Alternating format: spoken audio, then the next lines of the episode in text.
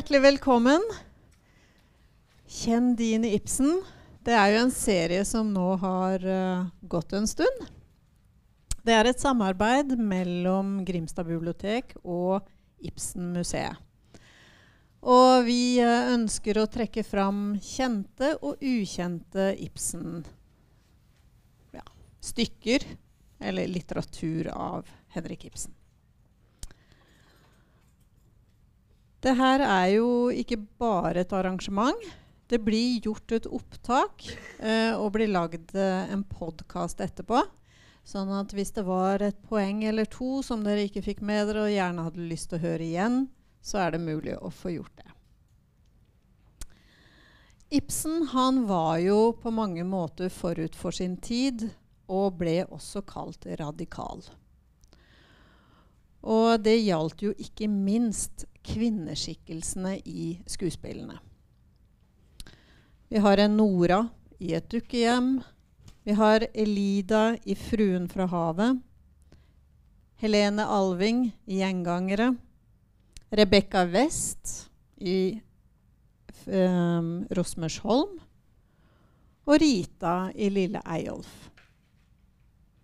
Og i kveld skal vi bli kjent med kanskje den mest spesielle av de, Hedda Gabler. Hun var offisersdatter som nektet å skifte navn selv om hun ble gift. Og det var jo noe man var påbudt å gjøre den gangen. Drevet av lengsel og maktbegjær så tok hun skjebnesvangre valg og handlinger. Og til å presentere dette og fortelle oss mer om Hedda Gabler, så har vi da Hilde Elise Bie, som til daglig jobber på Grimstad bibliotek. Vær så god.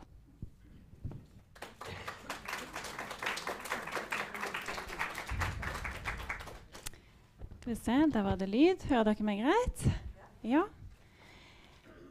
Ja, altså min nysgjerrighet for Hedda Gabler den starta for alvor da jeg i 2022 eh, hadde et intervju med Jan Kjærstad under Kraft litteraturfestival i Arendal.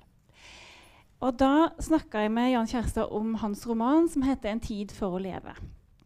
Og den, I den romanen der, jeg vet ikke noen av dere har lest den, men da følger man tolv personer som alle er på vei for å se eller å spille i Hedda Gabler. Alt kretser rundt de personene. Og jeg synes det, veldig, det, var og er veldig spennende å se hvordan Jan Kjærstad bruker dette Ibsen-stykket eh, til å skrive en roman eh, om det. Uh, og Kjærstad sier sjøl Hedda Gabler er et kontroversielt stykke. Og Ibsen er en kontroversiell forfatter. Og det er jo derfor han er så stor.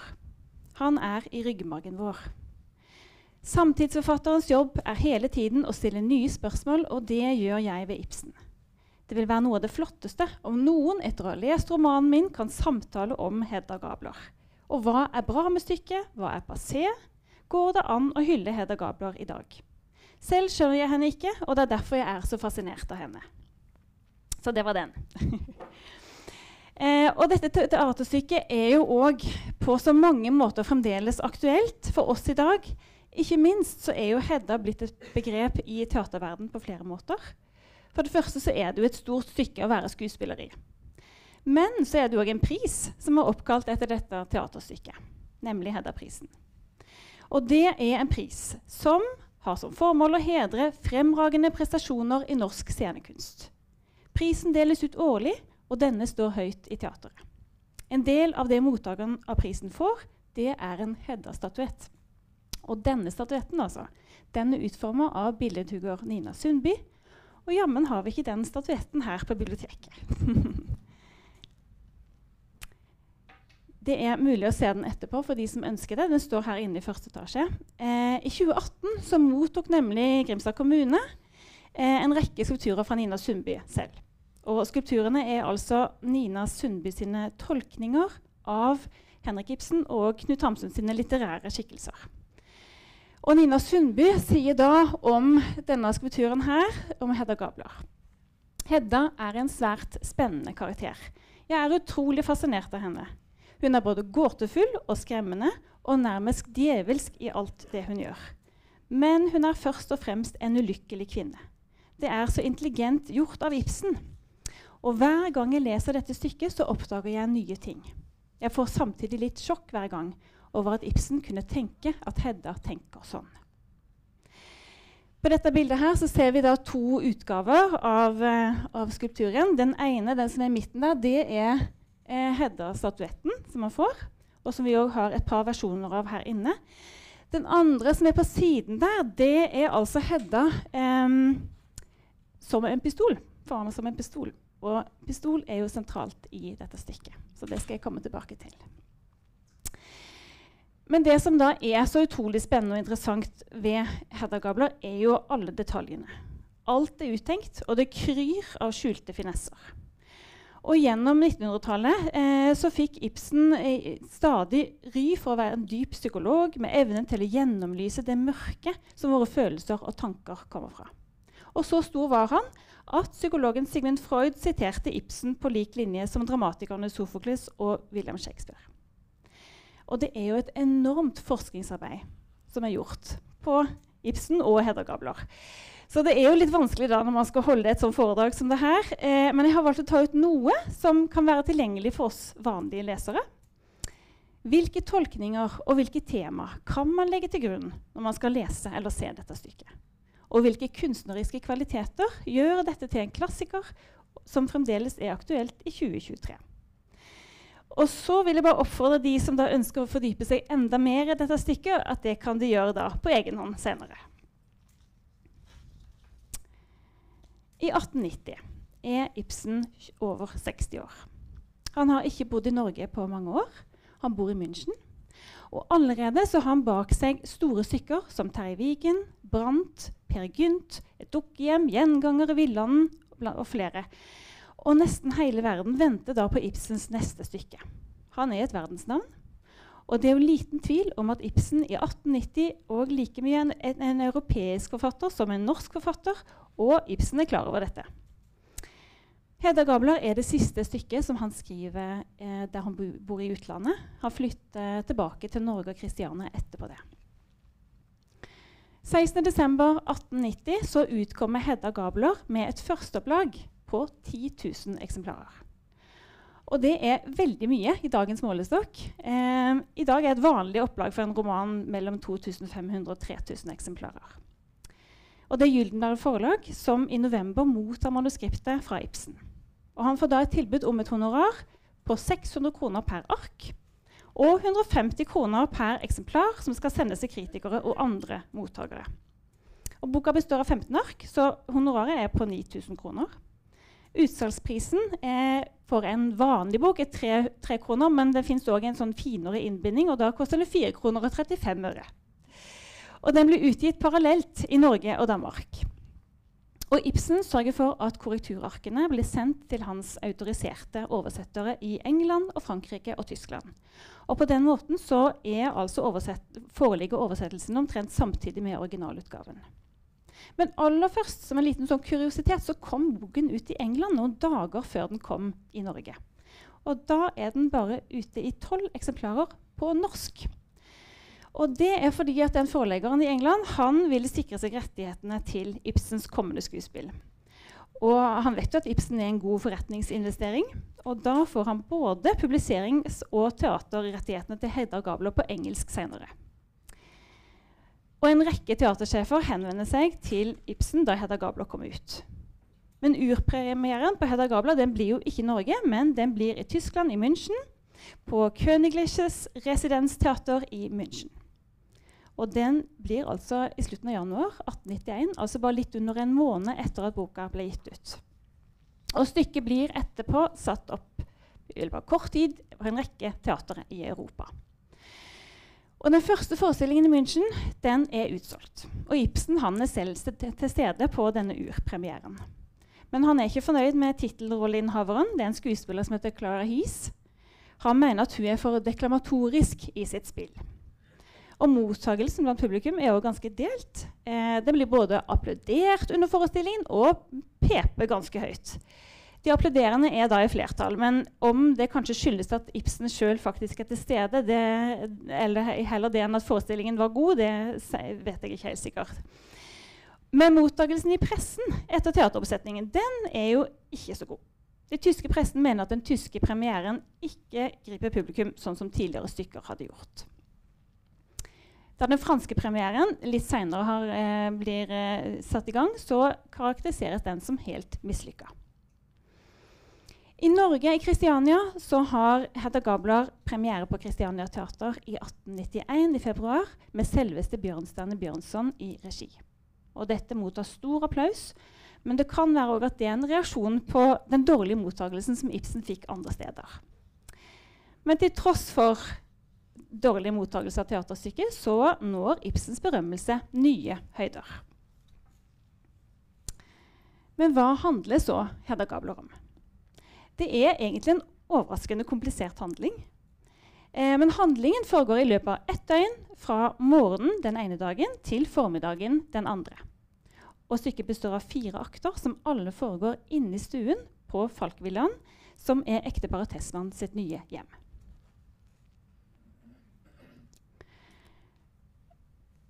Her er førsteutgaven av boken, og så har jeg lagd en liten oversikt over karakterene. Det er ikke så veldig mange karakterer. Men Hedda Tessmann er altså datter av general Gabler. Generalen, som nå er død, har ikke etterlatt datteren sin noe formue. Har, hun har kun arva to pistoler. Hun er i slutten av 20-årene, og etter noen år med et svært aktivt sosietetsliv så har hun gifta seg med Jørgen Tessmann, som er stipendiat i kulturkunsthistorie. Og Jørgen han har vokst opp hos sine to tanter, frøken Juliane Tessmann, som er kalt Julle, og Rina. Og nå håper han altså å få tildelt et professorat ved universitetet. Når stykket begynner, så har Hedda og Jørgen nettopp vendt hjem etter et halvt års bryllupsreise. Og Jørgen han har da brukt denne bryllupsreisen til studier og arkivarbeid. Men Hedda hun betror seg til husvennen Assessor Brack at hun har kjeda seg på denne reisen. Og til tross for en tydelig motvilje mot ektemannen så kan det virke som om hun er blitt gravid. Noe hun egentlig har benekta overfor omgivelsene. Jørgen Tesman blir ved hjemkomsten likevel møtt med den dårlige nyheten om at han kommer til å få konkurranse til dette professoratet fra en av Heddas tidligere beundrere, nemlig Eilert Løvborg. Og Løvborg han er kjent som en begava, men ganske alkoholisert bohemtype. Og de siste årene har han levd et nøkternt og tilbaketrukket liv og skrevet to avhandlinger under inspirasjon fra og i samarbeid med Thea Elvsted.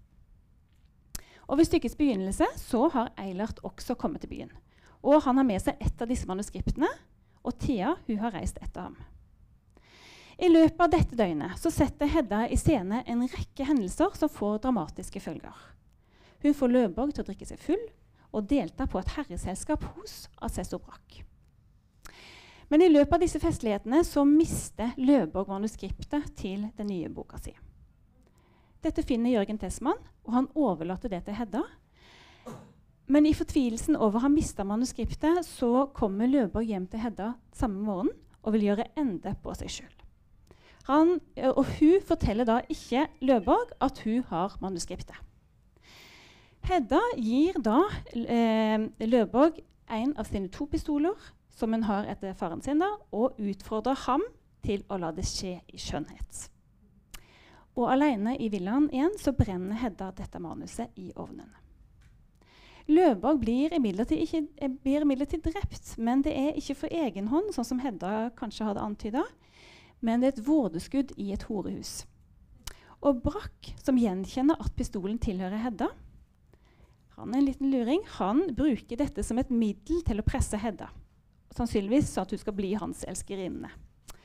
Og Thea Elvsted og Jørgen Tesman går så sammen om å rekonstruere Løvborgs manuskript ut fra notatene som Thea har tatt vare på. Og når Hedda skjønner at hun er i klørne på assessor Brakk, uten noe å ta seg til, uten en livsoppgave, så tar hun den andre generalens pistoler og skyter seg. De rene fakta er at Ibsen jobba med det stykket her i ja, litt over et år. Eh, fra oktober 1889 til sommeren 1890 så arbeidet han med mer eller mindre løse utkast til det her. Og så kom liksom utformingen av skuespillerstykket. Det kom ikke før i løpet av juli-august 1890, og 20.11. så leverer han stykket til forlaget. Og det er jo bevart en stor rekke eh, materialer fra denne tida. Fra det Ibsen skrev, og fra utkast han har gjort.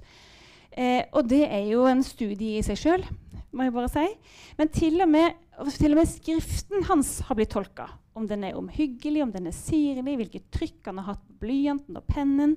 Viser hvor han liksom har vært i arbeidet med, med stykket.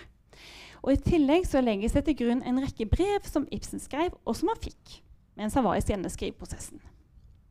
Og En viktig endring da, som kom ganske seint i skriveprosessen, eh, og som man har lagt merke til, det er jo denne tittelen som Anita var inne på i begynnelsen. med at den, eh, Hedda, eh, Det heter vel Hedda Testmann til å begynne med, eller iallfall bare Hedda når han i, sin, i førsteutkastene. Og så har han endra det til Hedda Gabler. Gabler er jo hennes fars navn. Og I et brev til den franske oversetteren så forklarer Ibsen eh, dette her. Han skriver «Jeg har dermed villet antyde at hun som personlighet mer er å oppfatte som sin faders datter enn sin manns hustru. Og Her ligger det noe viktig når man skal tolke og forstå syke. Da boken kom ut i Tyskland, så ble førsteopplaget revet bort den første dagen. Og Den franske pressen de behandla Hedda Gabler som en litterær begivenhet. Og to engelske tidsskrift hadde lange artikler om boken.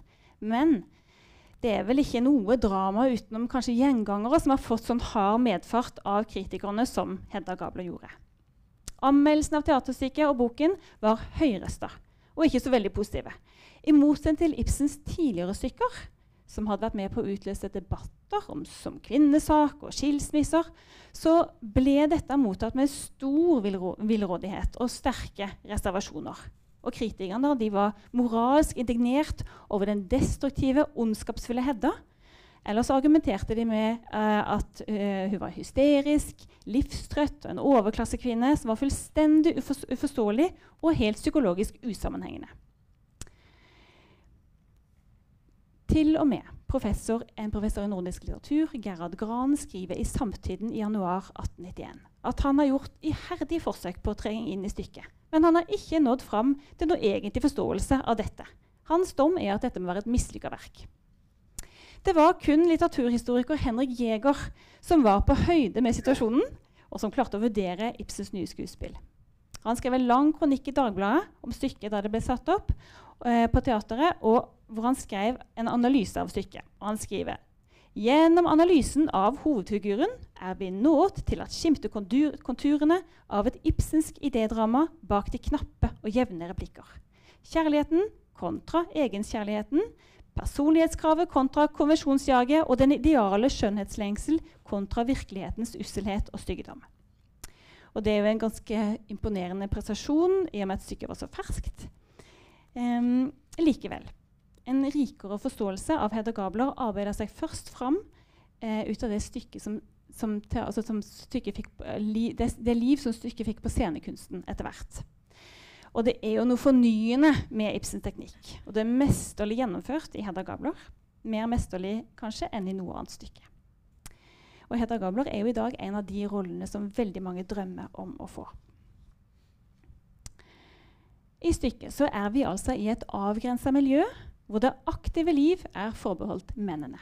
Det er strengt viktoriansk moral, og det er en dobbeltmoral. Og I sentrum for dette stykket så har vi Hedda.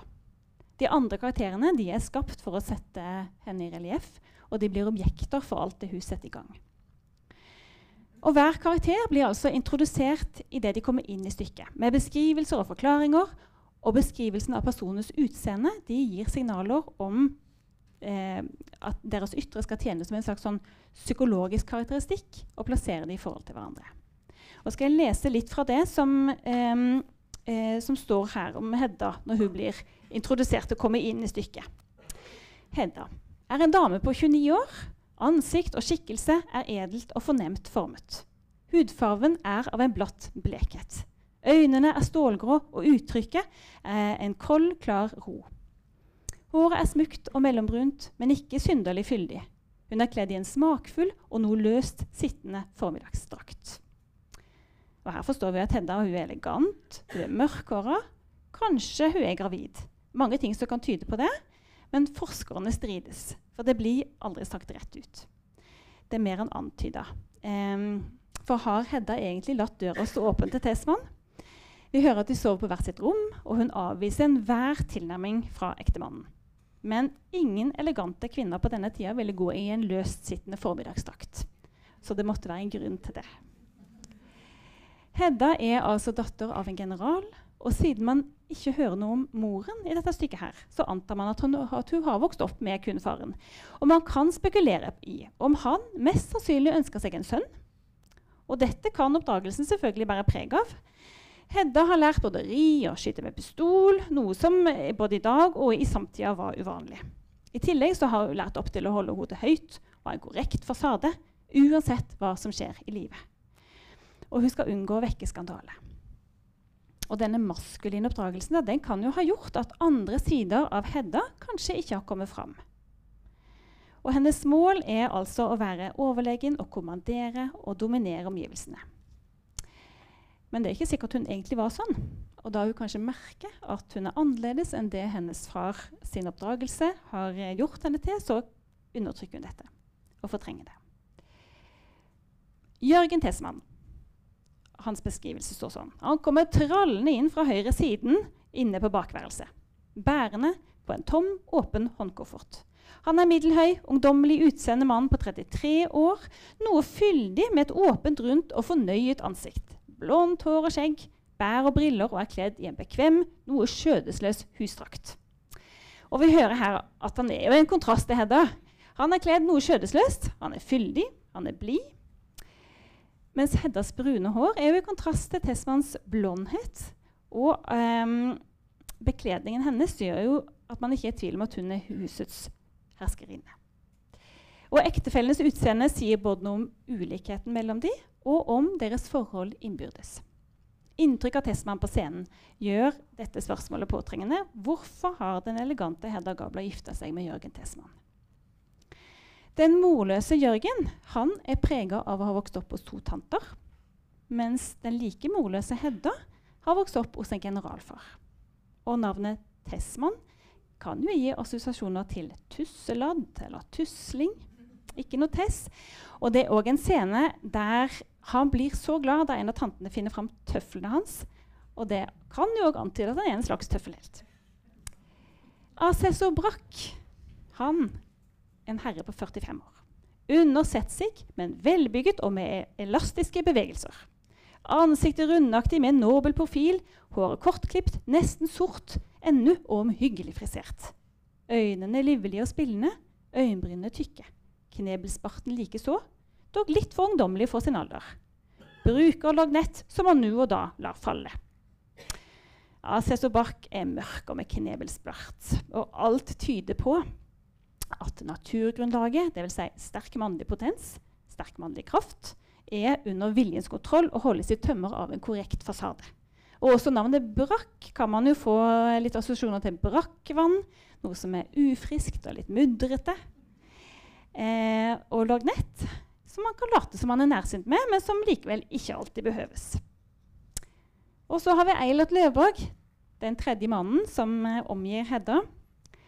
Slank og mager, jevnaldrende med Tessmann, men ser eldre og noe utlevet ut. Hår og skjegg er sortbrunt, ansiktet langaktig blekt, kun med et par rødlige pletter på kinnbenene. Han er kledd i elegant, sort og ganske ny visirdrakt mørke hansker og sylinderhatt i hånden. Og Eilert Løvborg, altså, lang og slank uten briller og mørk, han gir jo et slags aristokratisk inntrykk. Og det er mange likheter med Hedda i hvordan han blir beskrevet. Og kan tyde på at han kanskje er en av de tre mennene som er Heddas egentlige partner. Og så er det tanten, eh, frøken Juliane Tessmann. Hun er altså en godt og godmodig utseende dame på omkring 65 år. Nett, men enkelt kledd i grå spaserdrakt. Og Berthe, som er tjenestepiken, hun er en pike litt til års, men et, no, men et jevnt noe landlig ytre. Så her har man jo litt sånne fordommer ute og går, da. Thea Elstad, som er altså hun som følger med Løvborg, er en sped skikkelse med smukke, bløte ansiktsformer. Øynene er lyseblå, store, runde og noe fremadstående, med et forskremt og spørrende uttrykk. Håret er påfallende lyst, nesten hvitgult, og usedvanlig rikt og bølgende. Det er smakfullt, men ikke helt etter eh, nyeste mote. Og hun er jo i sterk kontrast til Hedda. Og man kan se her, eller høre her at det er, eh, det er liksom tre og tre personer som står mot hverandre. Det er de tre med lyst hår, som er frøken Tessmann og Jørgen Tessmann. Altså tanten og, og Jørgen og Thea Elvsted. Eh, og så har du de tre som er mørke. Det er altså, Og magre, da. Det er Hedda og Eilert Løborg og Assessor Brakk. Og dette understreker jo tilhørigheten karakterene har til hverandre. Det lyser mot det mørke som blir stilt mot hverandre. Og så møter vi altså en kunstnerisk integritet på nesten hvert eneste punkt i dette stykket, eh, som fører til at det er dramatisk liv inn i stort og smått. Hedda Gabler er jo et eksempel på det realistiske teaters kunstneriske muligheter. Og det finnes et poetisk plan i skuespillet. Og det er mange nøkler til, å, til teksten, til tolkninger, og det er masse sceneanvisninger og hvordan de er kledd, og alt som jeg har sagt nå, som markerer eh, tilhørighet og eh, mange symboler. Eh, vi skal se på scenen i denne For det er jo sånn når man kommer inn i Ibsen, at det er scenen som alt foregår på. Eh, det er jo en ganske detaljert beskrivelse. Scenebildet er av en 1890-årssalong. Og I utgangspunktet så er jo ikke det så veldig iøynefallende. Det passer jo inn i den velstanden og den gode smaken som tilhører det borgerlige liv da på den tida. Men siden Ibsen har brukt eh, noe tid på å beskrive dette i så detalj, så kan det være verdt å se nærmere på om dette da kan bety noe. Jeg skal lese eh, fra den eh, innledningen eh, på det stykket. Vi ser om vi kan kjenne igjen noe av det her som står her. Et rommelig, smukt og smakfullt utstyrt selskapsværelse dekorert i mørke farger. På bakveggen en bred døråpning med tilbakeslående portierer. Og det er noe slags sånn gardiner. da. Denne åpningen fører inn i et mindre værelse der er holdt i samme stil som selskapsværelse. Og på veggen til høyre eh, i dette er en fløydør, og den fører ut til forstuen. Og på den motsatte vegg til venstre en glassdør, likeledes med tilbakeslående forheng. Og gjennom rutene ses en del av en utenforliggende overbygget veranda og løvtrær i høstfarge. Og framme på gulvet står et ovalt eh, teppebelagt bord med stoler omkring. Foran på veggen til høyre en bred, mørk porselensovn. En høyrygget lenestol, en fotskammel og pute med to taburetter. Og oppi kroken til høyre en hjørnesofa og et lite, rundt bord. Foran til venstre, litt ut fra veggen, en sofa. Og ovenfor glassdøren et pianoforte. På begge sider av døråpningen i bakgrunnen står etasjerer med terrakotta og majolikasaker. Og ved bakre veggen av det indre værelset ses en sofa, et bord og et par stoler. Og overfor denne sofaen henger et portrett av en smykk, eldre mann i generalsuniform. Over bordet en hengelappe med matt melkefarget kuppel. Og rundt om i selskapsværelset er det en mengde blomsterbuketter stillet i vaser og glasset. Andre ligger på bordene. Det kommer ikke så tydelig fram akkurat på det bildet her. Og Gulvene i begge værelser er belagt med tykke tepper. Og så er det morgenbelysning, og solen skinner inn gjennom glassdøren. Ganske detaljert, men det er jo veldig fascinerende når man, når man, ser det sånn der. Det er altså mye mørke farger, men det er to ting som gir lys. Eh, det er da morgenlyset som kommer inn, og så er det eh, alle blomstene. Og det er ikke så mye til stede her, men i stykket så ligger de overalt. Og det er jo fordi at de akkurat har kommet hjem fra bryllupsreise. Eh, og så er det bilde av Hedda sin far, generalen. Det er jo dominerende og sentralt plassert, må vi si. Eh, og den kuppelen som er under der, står på bordet, den eh, kom til i en sånn siste versjon av stykket, da Ibsen hadde full oversikt over alt. Og gjennom denne måten som Ibsen har plassert eh, rom og fargene, så er det altså en spenning bygga inn. Og nesten alt vi ser her, er meningsbærende elementer. Og Hedda sin plassering på scenen når hun kommer inn, er òg sentral i tolkningen av hennes følelser. Eh, når hun kommer inn, så kan hun ikke utstå sollyset, men etter at da frøken Tessmann, som er tanten, har dratt, så trekker hun forhengene fra den åpne glassdøren og står og ser ut. Og det er kanskje ikke bare et tegn på eh, frustrasjon, men også et uttrykk for frihetslengsel. og det kan leses som et klare tegn på en motgivervilje mot å være bundet til Tessmann. Hedda Gabler er på mange måter et paradoksenes skuespill. Hun er en omsvermet kvinne, men har valgt å gifte seg med en mann hun syns det er problematisk å leve med. Hun flytter inn i et hus som hun etter sigende har drømt om, men som hun mistrives i. Og hun har kommet i da kanskje lykkelige omstendigheter, men finner det svært utholdelig. Hun griper inn i begivenhetene for å befri Eilert Løvåg, men hennes inngrep fører til at han faller sosialt. Og I løpet av de innledende scenene så ser vi altså konturene av Heddas desperate situasjon. Det er en generaldatter som er sosialdegradert gjennom sitt ekteskap med Jørgen Tessmann, en mann som hun knapt tåler, men som er, nødvendig for at hun skal bli forsørga. Problemet for Ibsen det var ikke hvordan en dame som Hedda hadde gifta seg med Jørgen Tessmann. Men det var like stort var det hvorfor hun ikke hadde gifta seg med Eilert Løvborg. Hun gikk inn i et handelsekteskap med dem som kunne forsørge henne. Og Vi finner ikke Tessmann igjen i noe annet av det Ibsen har skrevet. Eh, det sies at han karikerte Tessmann fordi han følte seg i motsetning til han. Derimot har Eilert Løvborg fått en del av Ibsen sine trekk i seg. I denne situasjonen her så kommer Thea Elvstad inn og framstiller seg som Eilert Løvborgs venninne og arbeidskamerat. Og Thea hun greier å inspirere Eilert til å skrive en bok som heter 'Fremtidens kulturmenneske'. Når Hedda ser at Thea har disse evnene til kjærlighet, så er det ganske grusomt for henne som ikke har det sjøl. Hedda vil vise sin makt over Thea, men også over Løvborg. Og Løvborg sjøl skal bevise at han kan drikke uten at det blir til noe mer. Men han drikker seg jo full og ødelegger alt. Og alle lengslene i Hedda får henne til å gjøre farlige ting. Når det gjelder tematikken i Hedda, så er det jo eh, flere strømninger som Ibsen kan ha med seg når han har valgt å skrive dette stykket. Ibsen må jo ha kjent godt til Nietzsche og har latt seg inspirere av han. Det kan godt anes i, i stykket. Um, da Ibsen arbeidet med uh, og skrev 'Hedda Gabler', så var det rett etter en langvarig debatt mellom Georg Brandes, og, uh, som var altså, dansk litteraturkritiker og litteraturforsker, og den danske filosofen Harald Høfting. Og de diskuterte uh, i, i debatter i avisen i over ni måneder om Nietzsche.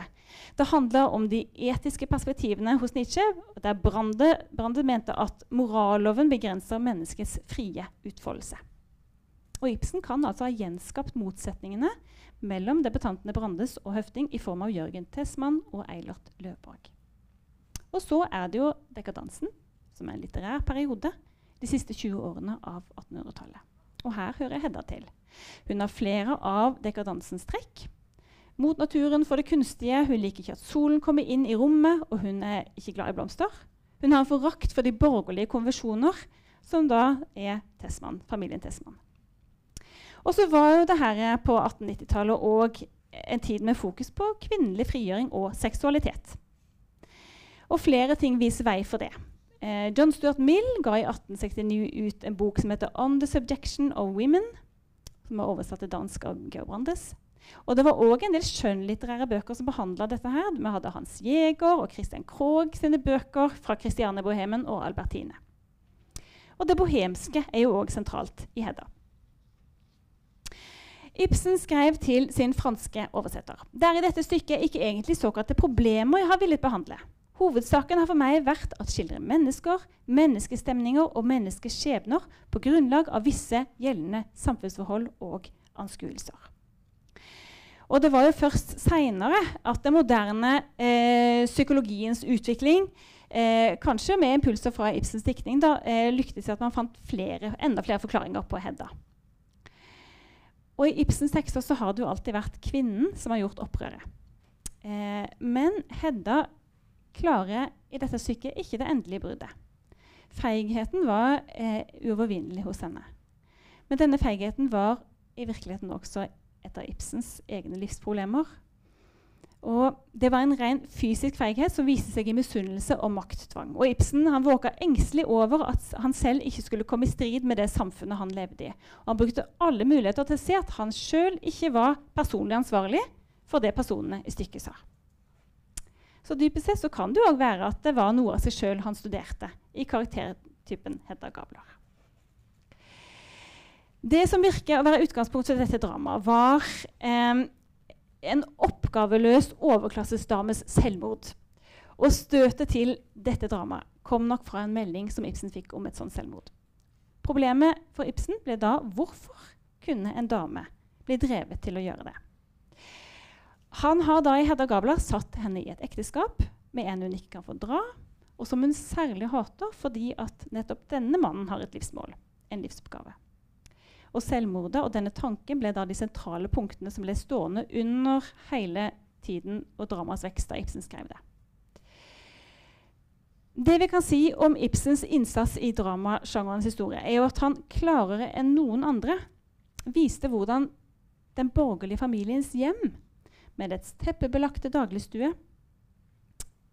hagestue eller arbeidsværelse kan danne en dramatisk speiling og lades med betydning som sier noe om hvordan personene har det. Og dette, eh, som plasserer Ibsens diktning i overgangen fra det romantiske og til det moderne dramaet, det er ikke først og fremst samfunnsrefseren eller menneskekjenneren Ibsen, men det er hans evne til å kombinere dialogen og scenografien for å få fram det han ønsker med et stykke. Her er et bilde av uh, ulike som har spilt Hedda. Det øverste der er eh, fra, fra operaen. Det er eh, Hedda og Jørgen Tesman. Og så er det Junidar som Hedda i Visjon, Visjoner teater. Og så er det Kate Blanchett på en oppsetning i New York. Og så er det fra Den nasjonale scene i Bergen med Stine Robin. Hvem kan ha vært utgangspunktet for Hedda? det er det jo mange teorier om. Eh, det er tre liksom, hovedteorier. Den ene er eh, en ung dame som heter Emilie Bardak, som Ibsen traff sommeren 1889 i alpelandsbyen Gråsensass. Og han ble sterkt opptatt av Emilie. Hun var 27 år, og da var han 61. Og ulike forskere har sett ulikt på hvordan eh, Emilies påvirkning har vært på Ibsen og ulikt på hvordan dette forholdet var. Det var, var, det bare si, overfladisk og platonisk, eller var det noe mer? Um, men de brevveksla veldig mye og veldig intenst lenge med hverandre. Og de brevene har fått betydning for Hedda og hvordan man tolker det. Kan det ha vært noe på gang da? Og så er det den svenske forfatteren eh, Victoria Benediktsson. Og hun hadde en forfatterkollega og venn som heter Aksel Lundegård. Og de kunne begge være forbilder for både Hedda og Eilert Løvborg. Ibsen møtte nemlig Benediktsson i Stockholm i 1887. Hadde spist middag med de har flere lange samtaler. Um, og så tok hun livet sitt året etterpå. En tredje teori det er en tysk-russisk forfatter og en eh, psykoanalytiker som heter Lou Andrea Salome. Og det, hun var venninne med Nietzsche. Hun var datter av en uh, tysk-russisk general og oppvokst i et adelig og høyborgerlig miljø i St. Petersburg. Og da hennes far døde, så, så sto hun òg igjen uten noen ting. Eh, og reiste til Tyskland for å studere og etablere seg. Og så møtte hun Nietzsche, og han forelska seg dypt i henne. Og flere forskere mener altså å finne flere eh, av Lous karakterdrag i Ibsens eh, framstilling av Hedda. Og så er det jo selvfølgelig alle de stykkene som Ibsen har skrevet tidligere eh, med kvinner eh, at han kan liksom ha dratt litt veksler på de kvinnene der når han har skrevet Hedda.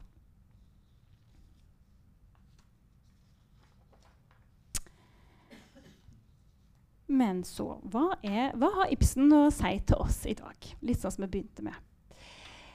Eh, har det relevans for oss i 2023? Eh, Henrik Ibsen bodde store deler av sitt liv i utlandet. Og han forakta den flokkmentaliteten som var i hjemlandet sitt. Det viktigste i livet det var ikke å være som alle andre, men å være seg sjøl. Og det er vel et spørsmål som stadig er aktuelt. For hva vil det si å være seg sjøl? Og hva er frihet, og hva hindrer oss i å bli fri? Fra dramaet kom ut og fram til etterkrigstiden så ble Hedda Gabler sett på som en ond og en umoralsk og en livstrett overklassekvinne. Men det har jo da kommet inn flere lesninger av stykket seinere. Og man har mer sett den selvopptatte og ensomme og tomme og triste Hedda, som er deprimert og motløs og frykter for framtiden. Og det kan jo være gjenkjennelig i vår tid. Og kanskje noe av bakgrunnen for at Hedda og Gabla fremdeles kan vekke litt gjenklang i oss. Og andre ting som aktualiserer stykket, er jo selvmordet. Og særlig fordi at uh, dette selvmordet kan knyttes så tydelig opp til en forståelse av selvmordets psykologi. Selvmord er jo en aggressiv kan være en handling eh, retta innad. Og Heddas depresjon framstår jo som aggressiv. Og jeg tenker at For unge mennesker så kan kanskje det her, spesielt for de kan det være eh, følelser og livserfaring da, som, de, eh, som kanskje ikke er ukjent for de. Og så handler jo stykket òg om ondskap. Kan Heddas ondskap forstås psykologisk, eller kan det forklares sosialt? Er Hedda et eksempel på det onde mennesket som eh, er bare ondt uavhengig av tid og sted, eller er et offer for sosiale omstendigheter? Og Spørsmålet vi kan stille oss ut fra dette, her, det er jo er mennesket ondt, eller er det omstendighetene og livet som gjør de onde? Og hvor langt er vi kommet i samfunnet i dag? Hvordan ser vi f.eks. på kvinner som uttrykker seg annerledes enn det som er normalen for kvinner? Eh, vi har vel, Selv om vi kanskje ikke liker å tro det, så har vi et bilde av hvordan kvinner skal, skal både skal og bør opptre. Og handle, og hva de skal mene. For hvordan behandler vi f.eks. heltemodige, frie kvinner som ikke er verken blide eller milde, men som insisterer på å uttrykke seg seksuelt og samtidig griper etter makt? Vil sånne kvinner også kunne kjenne seg hjemløse i dagens samfunn, sånn som Hedda Gabler gjorde? Det var det. Tusen takk.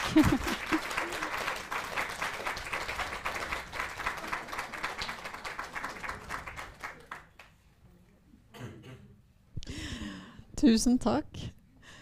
Hilde Elise var veldig i tvil om hun tok imot spørsmål. Men med en sånn avslutning så blir vi jo bare sittende her og lure på ja, hva er det med denne Hedda, da? Vi ble jo ikke noe klokere, gjorde vi det?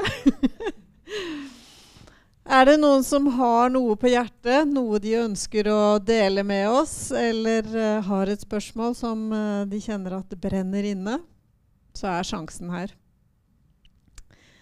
Hvis ikke så vil jeg gjerne reklamere for de to siste arrangementene i serien Kjenn din Ibsen. Vi må faktisk uh, først feire jul, og så komme inn i det nye året. Og da kan vi begynne å tenke på det i februar Nei, i mars. Nå husker jeg ikke datoen. Nei, men det blir jo annonsert uh, på bibliotekets uh, hjemmesider. Uh, I mars så blir det Kattiline. Vi må jo selvsagt ta med oss Grimstadverket framfor noen. Og så i april så blir det en slags oppsummering. Og da får vi um, um, Janne Drangsholt, som er eh, professor ved Universitetet i Stavanger i eh, engelsk litteratur, men kan alt om litteratur, og som gjør det veldig fort og veldig morsomt. Og så har han med seg da en eh, tegneserietegner. Uh, så får vi se da hvordan hun gjør det, men hun skal prøve da å oppsummere hele forfatterskapet til Ibsen. Så sett av uh, at det skal skje noe i april også. Mm. Så da sier vi takk for oss og vel hjem.